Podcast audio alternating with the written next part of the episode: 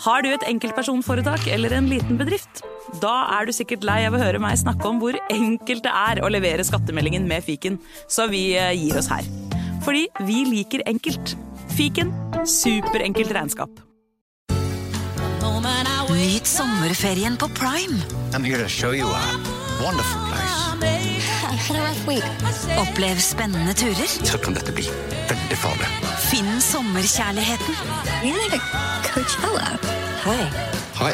Se på Fallout, Furia eller The Idea of You. Okie dokie. Og gjør deg klar for en sommer full av eventyr. Bare på Prime. Krever abonnement på Prime Video. Velkommen til Kjemperådet! Hey! Vi har fått inn et kjempenytt problem fra en mor. Jeg leser. Yes. Hei, jeg har en datter på 11 år som vurderer å slutte med orientering. Hun elsker jo å løpe, men finner aldri veien. Og jeg må sitte så lenge i bilen og vente. tricky. Yes, Ja, men ja dette her har jeg opplevd selv, faktisk. Og løsningen for meg ble da Maps på mobilen. Ja, hun er jo under 13 år. og Da får hun 5 gigabyte data for bare 149 kroner med Telenor. Oi. Hun bør jo sjekke ut nye mobilabonnement på telenor.no, da. Yes!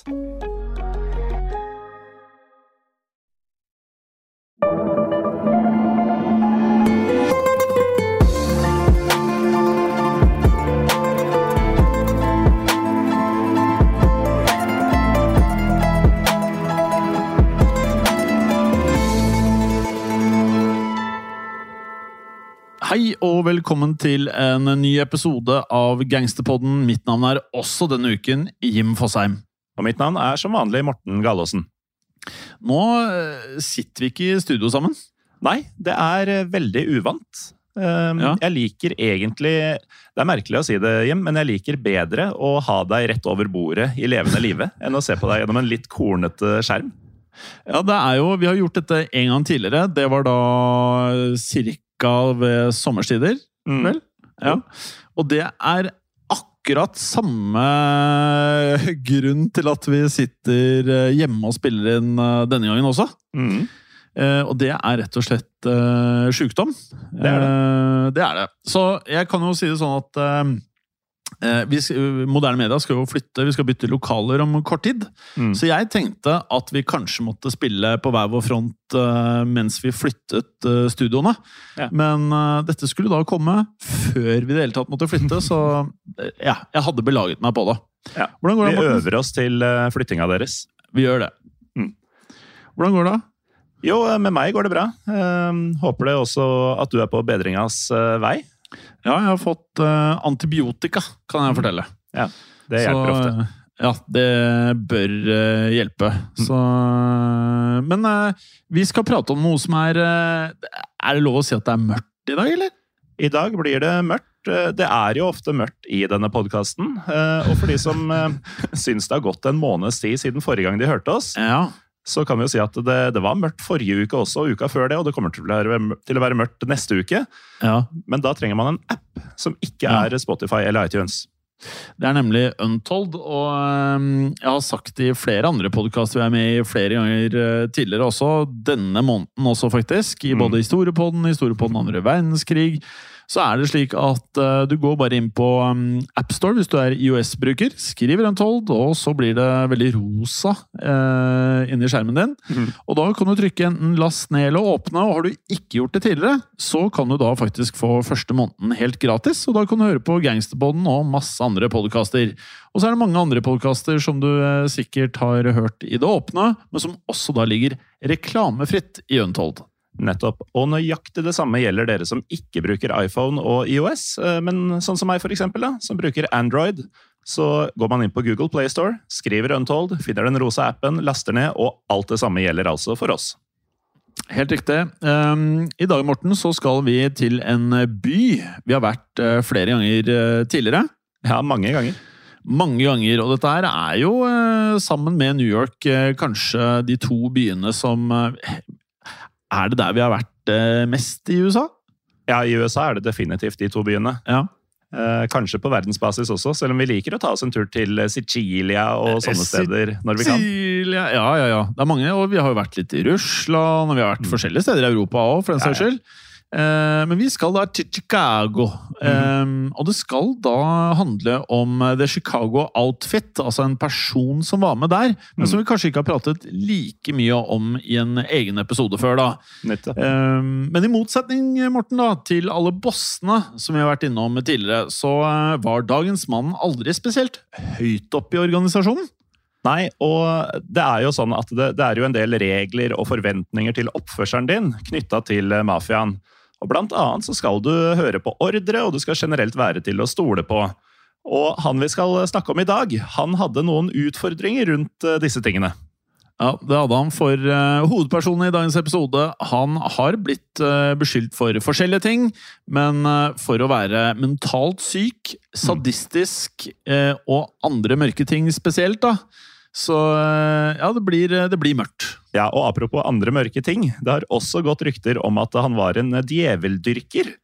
Så Ja. i- sum så blir dette en person som både var veldig interessant for mafiaen, men eh, samtidig også ganske uspiselig for mafiaen. Ja, og da kan vi jo sette i gang med å introdusere mannen vi skal snakke om i dag, for han heter Sam Di Stefano, eh, og var, som navnet indikerer, eh, av italiensk opphav. Ja, for foreldrene til Sam det var henholdsvis eh, Sam senior og Rosalie Di Stefano. Og de hadde blitt født i Italia og møttes der før de flytta til USA sammen i 1903. Og i USA så bosatte paret seg i småbyen Streeter i staten Illinois. Og denne småbyen den lå ca. 13 mil unna Chicago. Ja, og 13. september 1909 så var det slik at etter at de hadde vært der da i seks år, så fikk paret sønnen Sam. Eh, Og vi tror at Sam var den første av barna, eh, men kildene er ikke spesifikke på dette her. Nei, men det vi vet er at Sam og Rosalie de fikk sju barn totalt, og at eh, vår Sam han ble oppkalt etter sin far. Og det er jo en indikasjon på at Sam er den førstefødte. I tillegg så vet vi at eh, en av brødrene til Sam også skulle jobbe for eh, The Outfit, eh, nemlig Mario Anthony. Og Mario Anthony han var seks år yngre enn det Sam var. Men uansett så fikk Sam og Rosalie tre sønner og fire døtre. Og mange av episodene i Gangsterpodden, Morten, inneholder eh, tragiske historier om eh, foreldre som dør spesielt tidlig. Mm. Og eh, om da ekstremt vanskelige barndommer og også en svært voldelig ungdomstid. Men hos familien de Stefanos så er historien eh, litt annerledes. Ja, for begge foreldrene til Sam de skulle leve til Sam var godt voksen, og faren, altså Sam senior, han døde av naturlige årsaker i 1942, og da var han 77 år gammel. Så Sam senior han levde et langt og, så vidt vi kan se, et godt og lovlydig liv. Mens moren Rosalie hun døde i 1960, og hun var eh, husmor hele livet og fikk eh, spesielt god hjelp av barna sine da, i årene etter at Sam senior døde. Men du nevnte, Morten, at Sam senior var eh, en lovlydig borger. Ja, ifølge alle kildene vi har funnet, så var Sam en hardtarbeidende mann som begynte som såkalt laborer. Eh, Og det kan være mye forskjellig, men det virker som om Sam drev med mye kroppsarbeid, som sjauing og bæring helt i starten av karrieren. Og Senere så ble Sam senior en butikkeier, og skulle også begynne som eiendomsmegler i løpet av karrieren. Så vår Sam da hadde en mindre traumatisk eh, oppvekst enn eh, mange av de andre vi har snakket om i Gangsterpodden, men det var én hendelse uh, som skiller seg ut uh, fra barndommen, Morten. For uh, kort tid etter at Sam ble født, da, så flyttet familien til Herin, som er en annen småby i Illinois. Ja, og i Herin så skulle de oppleve det som har blitt huska som The Herin Massacre. Som var nettopp en massakre som skjedde under en streik blant USAs gruvearbeidere i juni 1922. Nærmere bestemt den 21. og 22. juni 1922. Og det som skjedde, var at eieren av gruven først hadde sagt at han ønsket å respektere denne streiken. Men så skjedde det noe, da, som eh, vi gjentatte ganger merker i alle podkastene våre, Morten, og det er at der det er mulig å gjøre profitt, eh, der kan ofte meninger endres. For, eh, ja, for da kullprisene steg, så fant denne eieren ut at han eh, selvfølgelig da kunne tjene penger på denne situasjonen, og brakte derfor inn arbeidere som da ikke var organiserte gjennom fagforeningen. Ja, og det ble ikke tatt godt imot blant de streikende. Eh, De ble rasende, og dette utløste da en to dager lang skuddveksling mellom de streikende arbeiderne og de bevæpnede vaktene som passa på gruva. To dager med sk skuddveksling, det er ganske lenge, Morten. Ja, det er jo en beleiring. Altså, Vi har jo snakka om sånne type ting i eh, Historiepodden og i Historiepodden andre verdenskrig mange ganger. Ja, Men dette er da altså- sivile folk i en gruve. Ja, altså Det høres mer ut som en krig Mm. Ja, enn en, eh, enn en skuddveksling. ja. Ja, eh, Nå var det ikke den, eh, det groveste slaget da, hvis dette hadde vært en uh, krig. For um, den første dagen så ble tre av de streikende arbeiderne, som da på en måte beleira gruva, som vi sa, uh, de ble da skutt og drept av disse vaktene. Men dag to, Morten, skulle bli enda blodigere. For uh, denne dagen så skulle de streikende arbeiderne da skyte og drepe hele 18 personer. Mm. Deriblant en rekke vakter. Så totalt så ble dødstallet for eh, disse, denne lille krigen, da, 23 menneskeliv. Ja, og dermed så bestemte Sam senior og Rosalie de Stefano seg for å ta med seg barna og flytte enda en gang. Og nå gikk da turen til Chicago, nærmere bestemt distriktet som kalles Little Italy.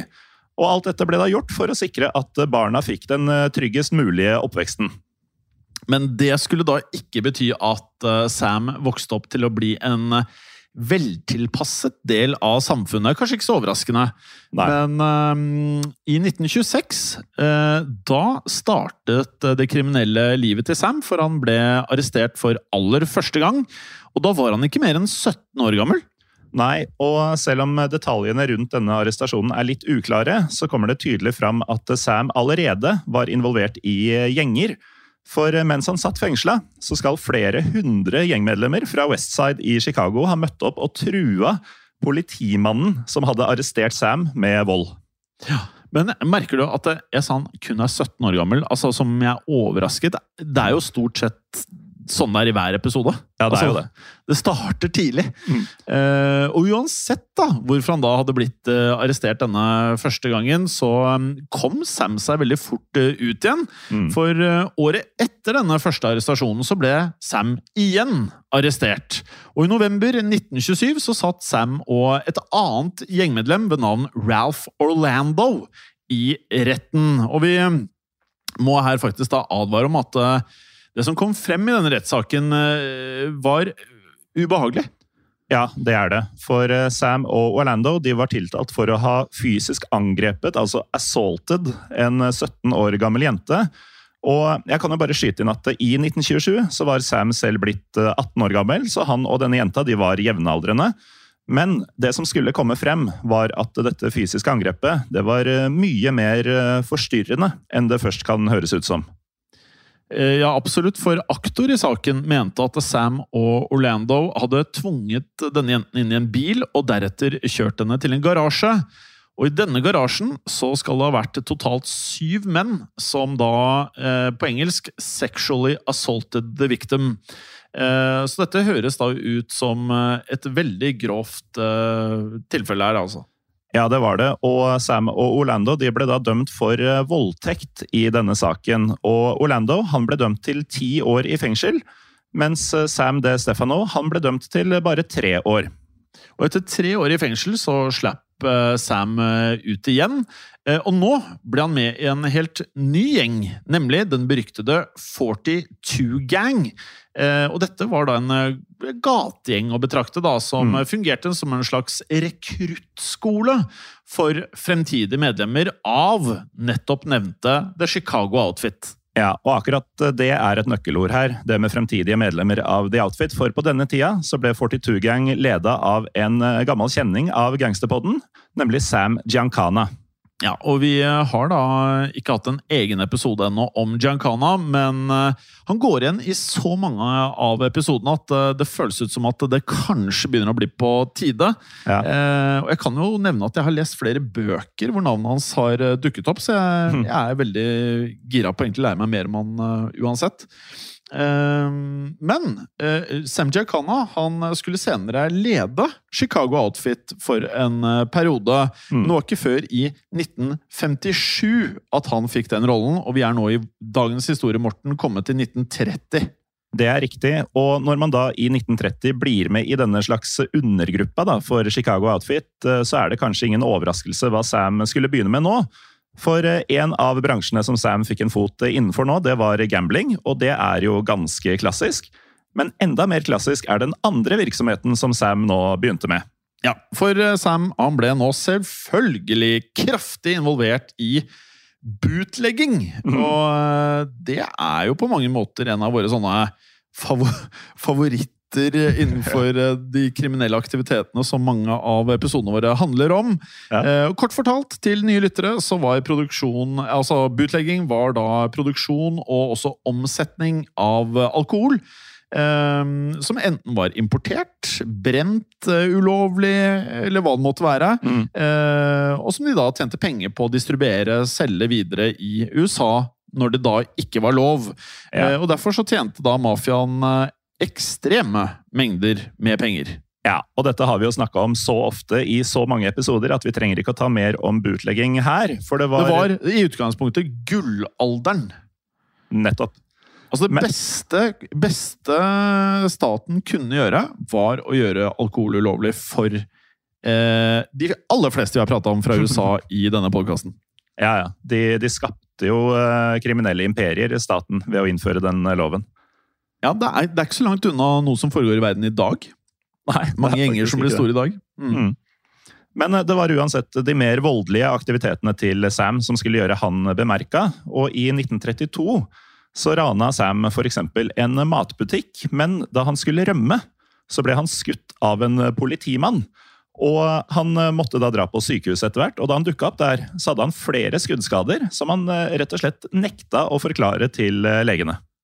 Ja, og det er heller ikke noe nytt. Vi har hørt at uh, vi, vi har jo hatt noen som har nektet for at de har blitt skutt, selv om de ligger på sykehuset med skuddskader. uh, uansett, da, året etter, da vi kommer til 1933, så tok eh, livet til Sam en langt mer dramatisk vending. For eh, etter et bankran i delstaten Wisconsin, eller hvordan ville du sagt det? Wisconsin?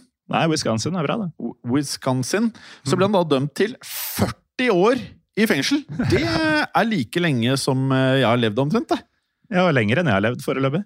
Ja, ikke sant? Eh, ja, det er jo ikke så lenge til da. du har levd denne tida. 39 og et halvt. Mm. Ja. Og dette kunne vært slutten på historien om Sandy Stefano.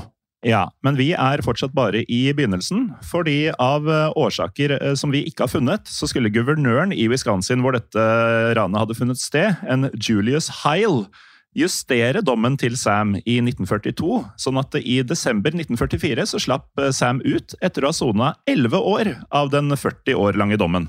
Ja, og mens han da fortsatt satt i fengsel, så møtte Sam to medlemmer av The Chicago Outfit, nemlig Paul Ricca og Louis Campagna.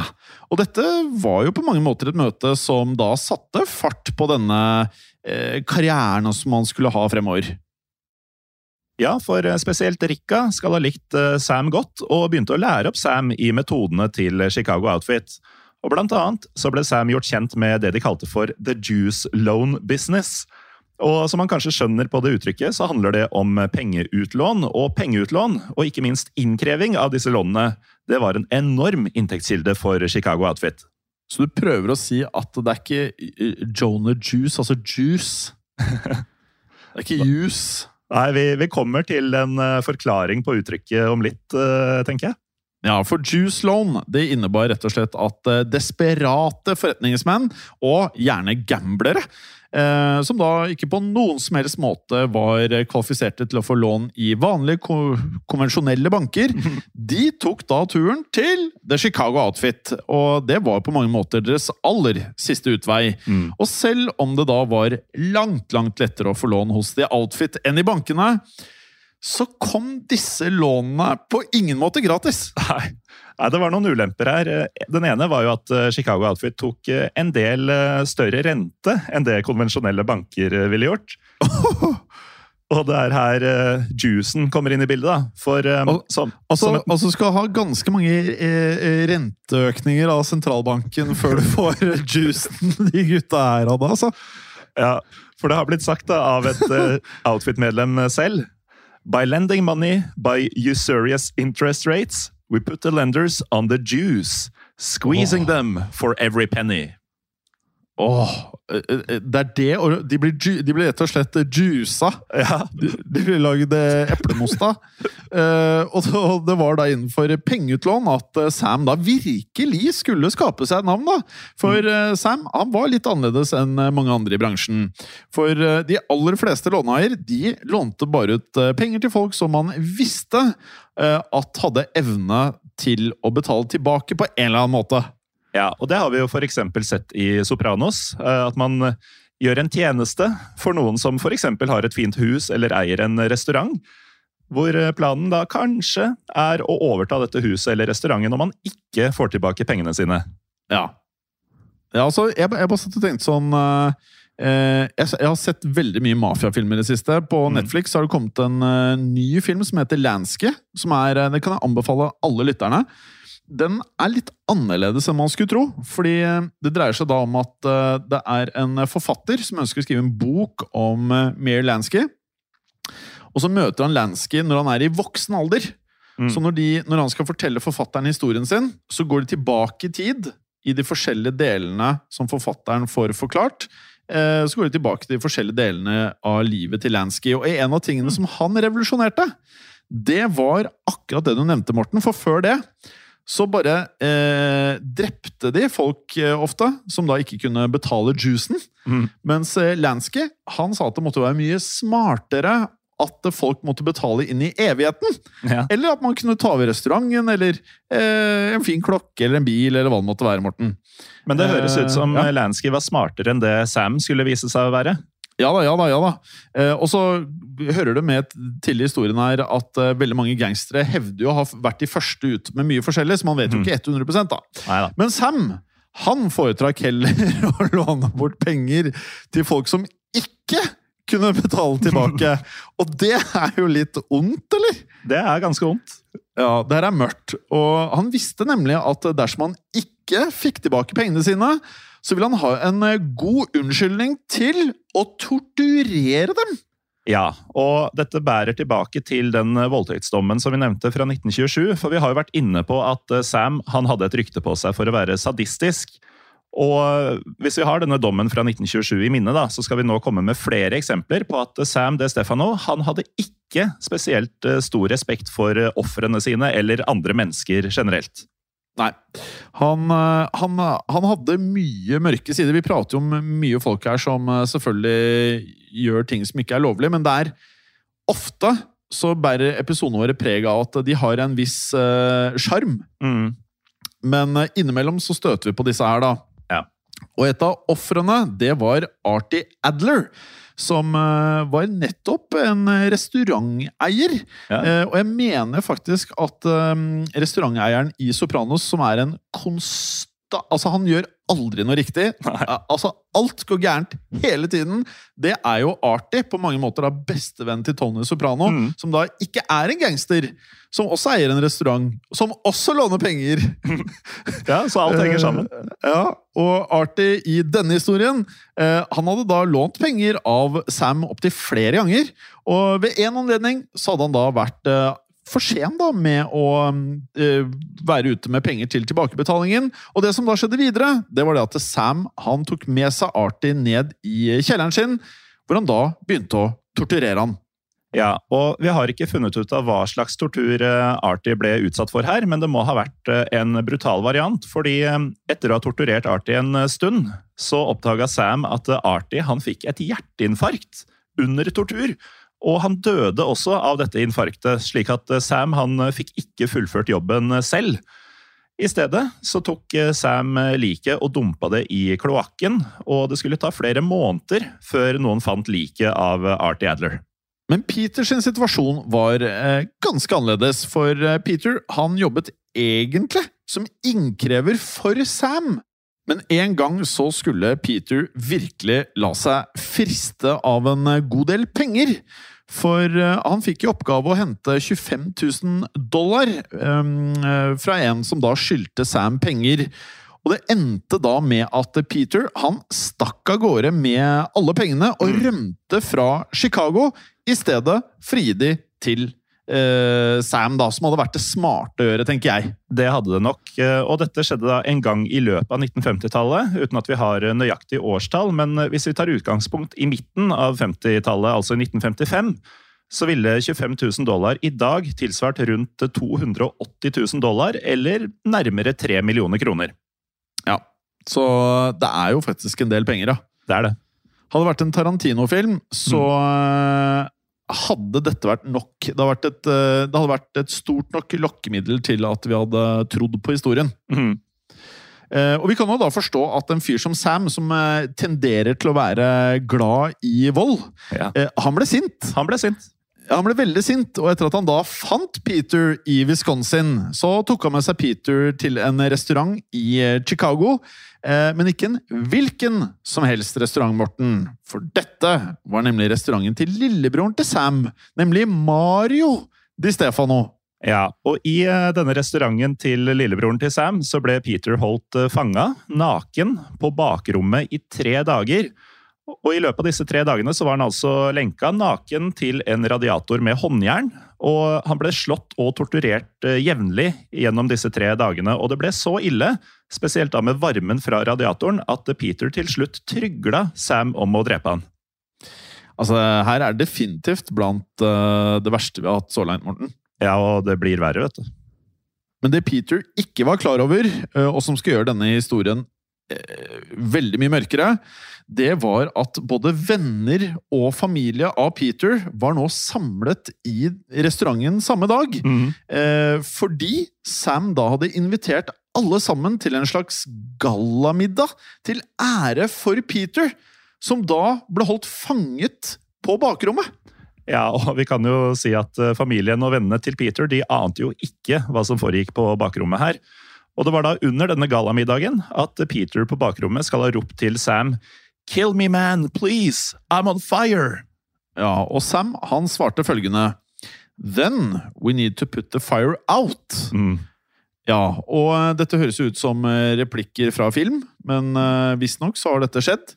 Ja. Og igjen, så Det er ikke så ofte vi gjør dette her, men vi må advare lytterne om at det kommer eh, noe ubehagelig nå. Ja, for eh, Sam han hadde sett for seg en helt eh, spesiell måte å slukke denne brannen på. Så han fikk da mennene sine til å bære denne nakne, blodige, forbrente Peter ut i restauranten, der alle av Peters nærmeste nå befant seg.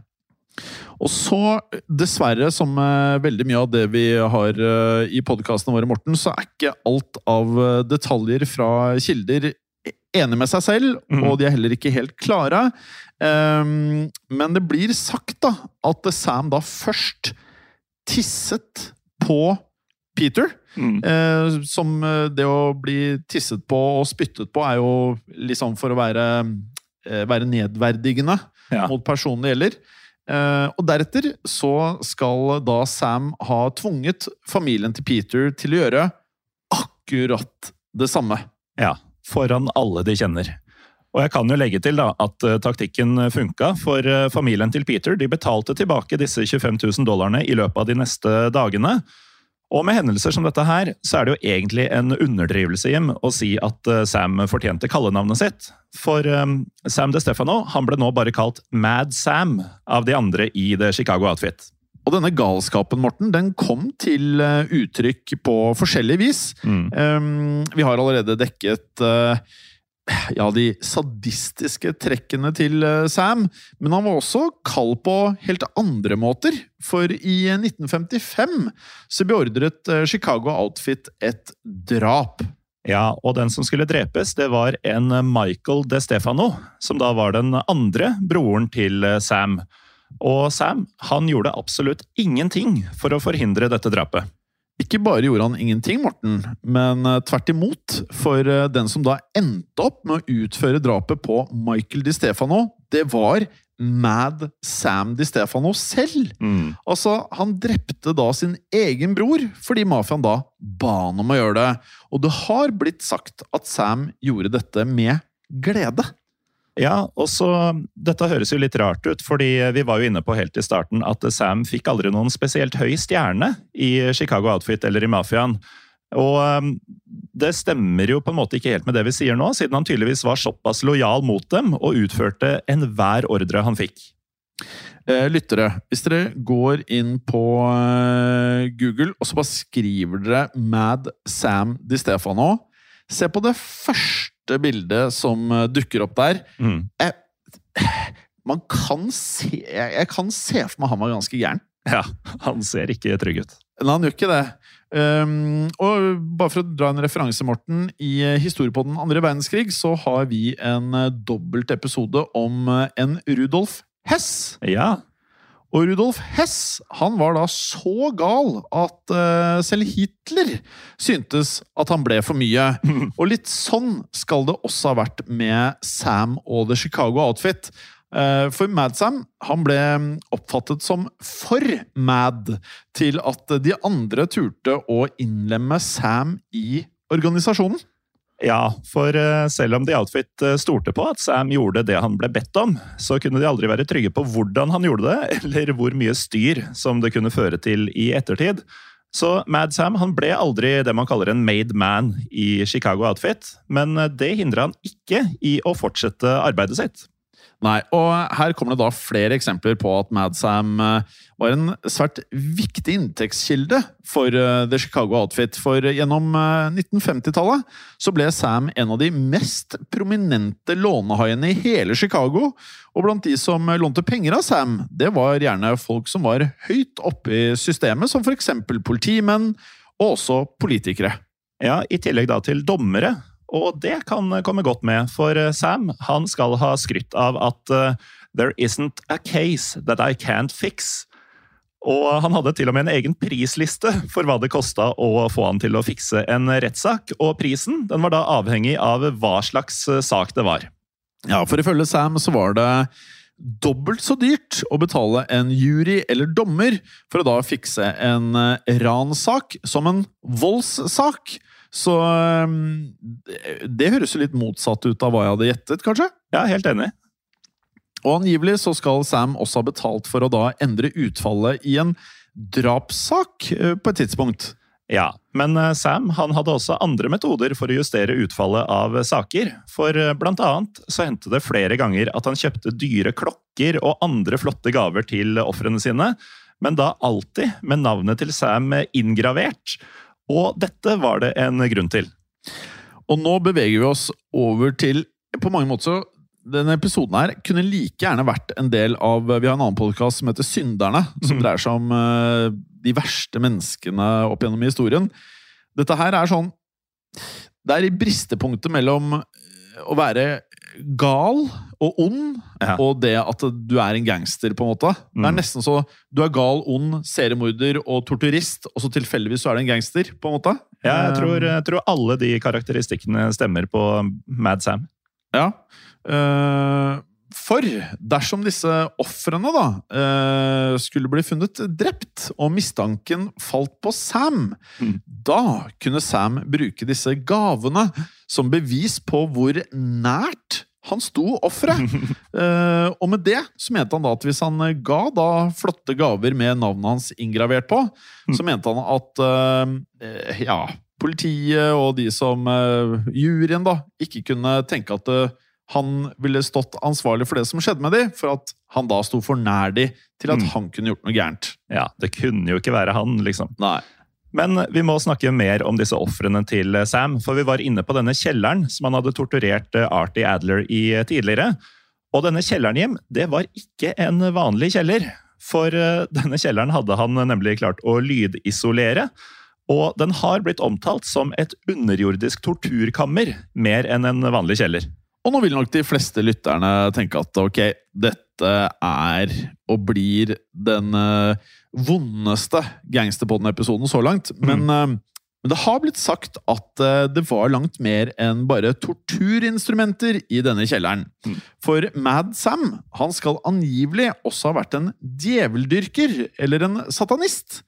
Og selv om det er litt uklart hvor mye av dette som er sant, så tar vi det med, Morten. Vi må i hvert fall ha nevnt det. Oh, ja. Og, og kilden det er Ken Eto, som i en eh, periode jobbet sammen med Sam. Ja, for eh, ifølge Ken Eto så skal Sam ha hatt et eh, alter i denne kjelleren. Og på dette alteret så var det blant annet eh, stearinlys, en hodeskalle og en bok med sataniske vers. Og en annen kollega av Sam han har også hevda at han en gang så Sam rulle rundt på gulvet mens han fråda rundt munnen og ropte Satan, I'm your servant, command me. Ja, det her, det her høres jo ikke ut det, det er ganske langt unna eh, John Gotti-type gangstere Ja. med silkedresser. Vi har ikke sett han her i Sopranos. Nei, det har vi ikke. Eh, Sam skal også ha trodd at han hadde overnaturlige krefter, og at han da kunne kontrollere tankene til andre mennesker. Ja. Så det føles definitivt, Morten, ut som vi snakker om en person her som eh, nok eh, ville fått en forskjellig forskjellige diagnoser mm. dersom han hadde oppsøkt eh, hjelp. Ja, men eh, Sam følte ikke behov for å oppsøke hjelp, for han eh, dro inn penger, han hadde makt, og han fikk utløp for alle voldelige fantasier som kunne dukke opp i hodet hans. For eh, til tross for at han ikke ble made, så var Sam eh, såpass eh, suksessrik at Sam Giancana, som nå hadde blitt boss i The Outfit, personlig kjøpte seg inn og investerte i lånevirksomheten til Sam. Og disse enorme inntektene som Mad Sam da genererte, det var grunnen til at The Outfit da valgte å tolerere denne overdrevne volden og vanvittige oppførselen til Sam. Mm. Og når det da gjelder denne merkelige oppførselen, Morten, så mm, kan vi jo da nevne en eh, historie som kommer fra en FBI-agent. Og denne agenten gikk under William F. Romer. Ja, og Romer han oppsøkte hjemmet til Madsam flere ganger i løpet av karrieren, og han har fortalt at uh, mange av disse gangene så åpna Sam døra iført en pysjamas som ikke akkurat var helt eh, lukka, sånn at eh, Sams edlere deler de kunne godt henge og dingle da han åpna døra for FBI. Eh, og, dette var jo det som, var det som skjedde før agentene kom inn i huset. Ja, det er helt riktig. Mens etter at agentene kom inn og satte seg, så serverte konen til Sam kaffe til agentene. Mm. Og eh, agentene skal da ha påpekt både én og to ganger at eh, kaffen de fikk servert i huset, hadde en eh, noe annerledes smak. Ja, og Mad Sam han forklarte da at denne unike smaken den kom fra noen eh, spesielle italienske kaffebønner som kona hans hadde gått til anskaffelse av. Men eh, den egentlige forklaringa, det var noe helt annet. Jeg må bare si, Morten, hvis du og jeg hadde vært FBI-agenter jeg, jeg hadde klart å ikke drikke kaffen til Mad Sam.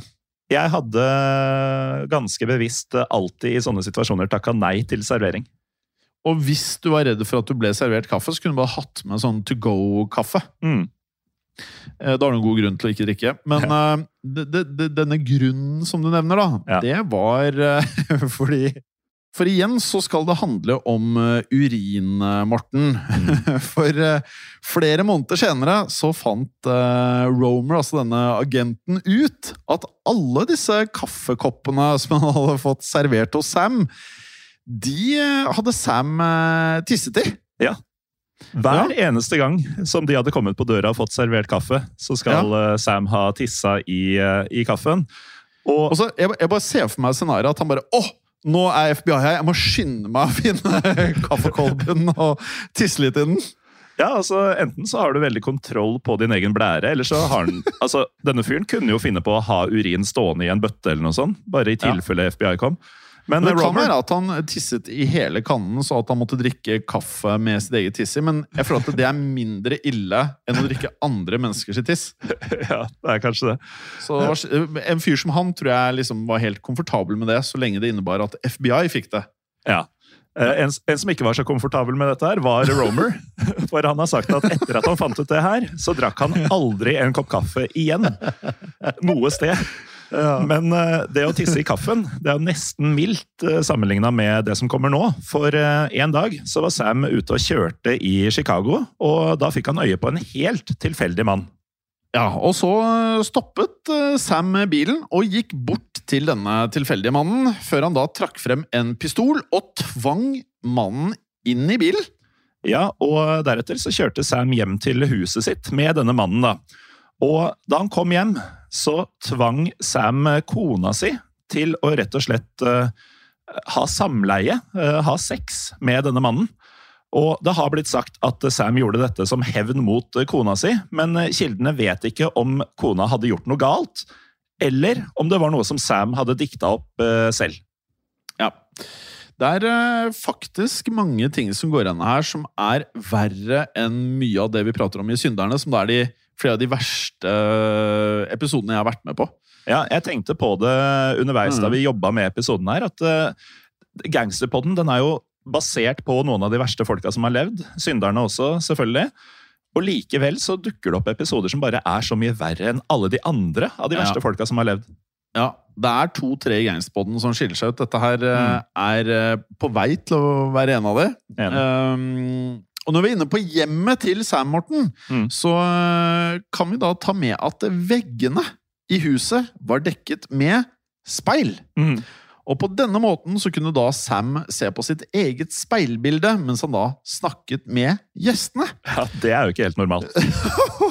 For Sam blir beskrevet som en ekstremt selvopptatt eh, person, som da var eh, over middels opptatt av utseendet sitt. Men Ja. det er ikke noe jeg hadde fått inntrykk av ut ifra bildene jeg har funnet av han. Nei, det var det jeg tenkte også. Eh, Men en ting som ikke overrasker meg, er at han også blir omtalt som ekstremt eh, temperamentsfull. Og eh, angivelig Det skal- overrasker meg ikke. Nei, ikke sant? Og det skal da ha vært hendelser hvor Sam skal ha grått i et øyeblikk, og så ledd i det neste. Heller ikke tegn på den mest stabile personen du kommer over, kanskje. Og ellers så sto eh, selvbildet hans eh, i stil, for eh, Sam har nemlig sagt at dersom han ikke hadde blitt dømt for denne voldtekten da han var 17 år, så ville han blitt president i USA. Akkurat. Og um, da hører det da med til historien at Sam mente at han var uskyldig i den saken, og at han da hadde blitt lurt. Og på engelsk så høres det mye bedre ut. Altså framed. Ja. Det var framed som var ordet i de engelske ja. tekstene.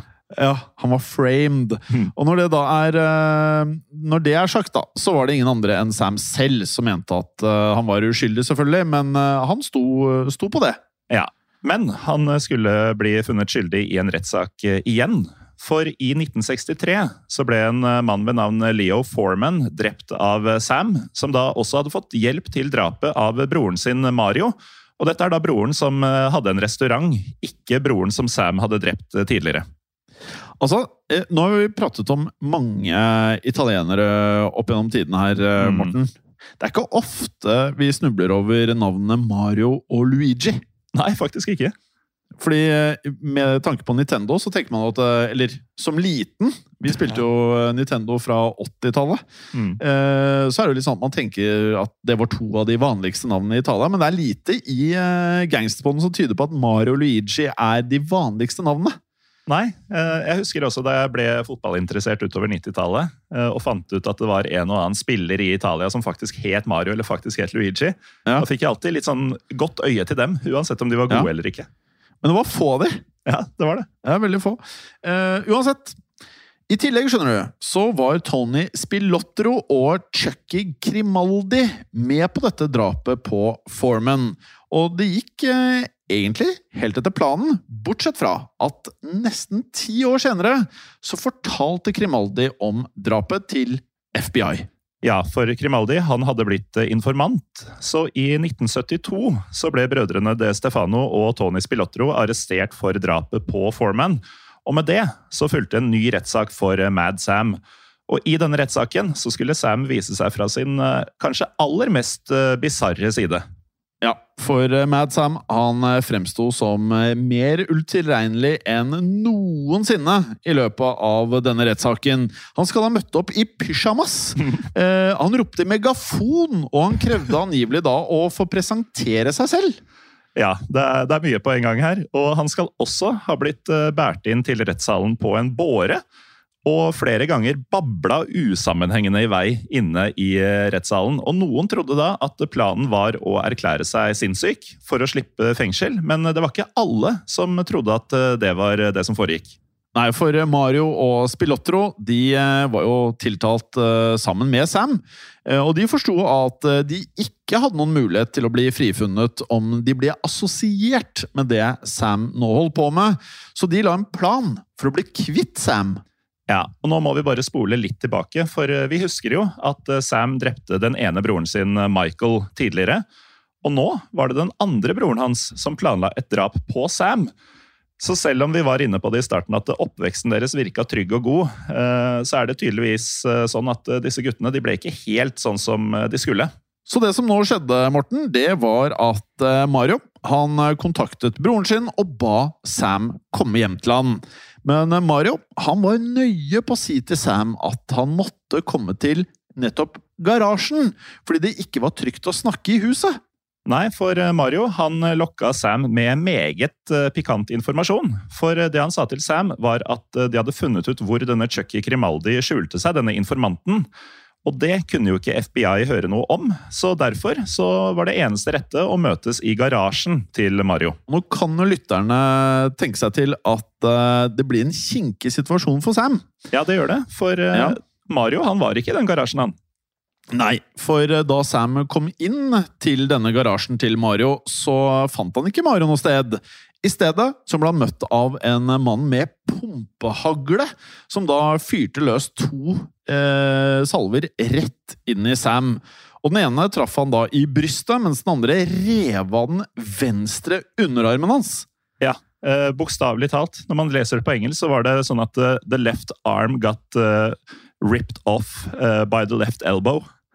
Så, så underarmen hadde altså bare flydd av gårde. Eh, og Sam han døde umiddelbart, eh, mest sannsynlig pga. skuddet i brystet og ikke i armen. Og morderen han ble aldri dømt, men de aller fleste tror at mannen med hagla var Tony Spilotro. Og jeg må jo bare tenke, eh, tenke at det, det å være eh, personen som skulle ta Mad Sam av dage Mm. Tipper du hadde relativt høy puls. Ja, For når du har med Sam å gjøre, så kan hva som helst skje. For tenk om du ikke lykkes. Da havner du i en kjeller Mm. Altså, da går det deg ille. Da går det gærent. Eh, Men eh, uansett eh, så tok da livet til Mad Sam De Stefano slutt den 14. april 1973. Og han ble 63 år gammel. Ja, Vi nevnte tidligere denne FBI-agenten, altså William F. Romer. eh, han som da drakk denne kaffen, og som aldri ville drikke kaffe igjen. Um, for ikke bare har Romer sagt at eh, Sam sin oppførsel gjorde at han eh, sluttet å drikke kaffe. Han har også uttalt uh, følgende om eh, Mad Sam. Sam DeStefano was the worst torture murderer in the history of Chicago. He was a sadistic, arrogant, swaggering thug of the worst order, responsible for scores of killings, almost all by his own hands. Og for de som lurer på hva scores of killing betyr, eh, så kan vi legge til da at eh, i hvert fall slik vi forstår det, da, så er en score et eh, relativt gammelt uttrykk for tallet 20 på engelsk. Ja, og han snakker jo da om scores i flertall, så det er Ja. 20-gangeren på en måte. Ja, Med andre ord så eh, tolker vi det som at Romer da mener at Mad Sam sto bak eh, 20, 40, 60 Altså, man legger på 20 per gang, Ja. så det må minimum være 40. I og med at det er scores, så Ikke det er i hvert fall 40. Mm. Eh, men vi kan vel tenke oss til at det er langt flere enn det. Kan det Eh, og at han da for det meste likte altså han, eh, han eh, ønsket å ta del i så mange av disse som mulig, føles det som. Ja, det gjør jo det. Eh, Og med det så har vi jo kommet til slutten eh, på historien om Mad Sam De Stefano. Og jeg veit ikke helt med deg, Jim, men jeg har full forståelse for at Sam aldri ble 100% innvia i mafiaen. For eh, den fyren her, han var, han var mye. Ja, og så er det jo sånn Mange av de vi prater om i Gangsterboden, det er jo folk som på en måte De fremstår jo som at de har to sider, men at den eh, mørkeste siden, det går på å tjene penger. Mm. Og tilfeldigvis så er det å ta folk av dage innimellom en del av det å tjene penger. Ja. Og så har de da familien, eh, altså med kone og barn, den familien, og så har de familien med, som da er kollegaene, Mm. eh, de andre gangsterne. Han fyren her, han er litt mer eh, Han er gal, og tilfeldigvis så er han en del av mafiaen eller gangstermiljøet, Mm. og så går det helt gærent. Ja, virkelig. Men eh, mens lytterne nå venter på en ny episode Jim, av Gangsterpodden, så har vi jo en spilleliste som også heter Gangsterpodden. Og den ligger på Spotify. Og hver uke så legger vi til en ny gangsterlåt. Og denne uken, Morten, så har du eh, valgt ut en gangsterlåt. Det har jeg. Eh, Denne uka så ble det artisten Ice Cube, som jo ikke er så lite gangster sjøl. Og låta er Gotta Be Insanity. Ja, Den legger vi eh, rett inn med det samme fiske... Det er jeg som legger det til, skjønner du, og jeg kan glemme det Ja. hvis jeg ikke gjør det med en gang. Ja, men Da legger flink til å gjøre det med en gang. Ja, ja, ja. Jeg må gjøre det med en gang. uh, og da legger jeg det inn i uh, gangsterpoden på eh, Spotify, eh, som da er uh, ja. Til uh, dere som lurer, så er det da samme navn som på podkasten, men dere klarer å se forskjellen der inne. Um, og så ønsker jeg bare, hvis dere ønsker å eh, Vi har jo noen unge lyttere også. Det er ikke Ja. alle de som er oppvokst med Ice Cube. Eh, så ta også søk opp når Ice Cube tar Crip Walk on stage. Det ligger på YouTube. Eh, jeg tror jeg har sett det ti ganger. Det er ganske Ja. kult. Eh, uansett, eh, Morten, hvis lytterne ønsker å høre mer Gangsterpodden hver Mm. uke, hver eneste uke Det er jo så enkelt! For uh, hvis du har skrudd av denne podkasten nå, så får du ikke med den informasjonen. Hvis du ikke har skrudd av, så kommer det litt sånn viktig informasjon nå. Fordi at du kan høre på oss, høre på oss hver eneste uke i appen Untold. Det er den rosa appen i AppStore hvis du er IOS-bruker. Du laster den ned eller åpner den, og hvis du ikke har gjort dette tidligere, så får du første måneden helt gratis. Ja, og vi Android-brukere vi gjør det samme i Google Play Store, mens de som ikke vil gjøre noen av delene, eh, som kanskje bruker en annen type telefon eller bare ikke liker eh, AppStore og Google Play Store, de kan bruke nettleseren sin. Da går man inn på untold.app og skaffer seg tilgang på den måten. Ja, helt riktig. Eh, og Morten, Mm. jeg vil ikke at du skal sove med fiskene. Men hjem, hold deg gangster. Ja, ha det bra. Ha det.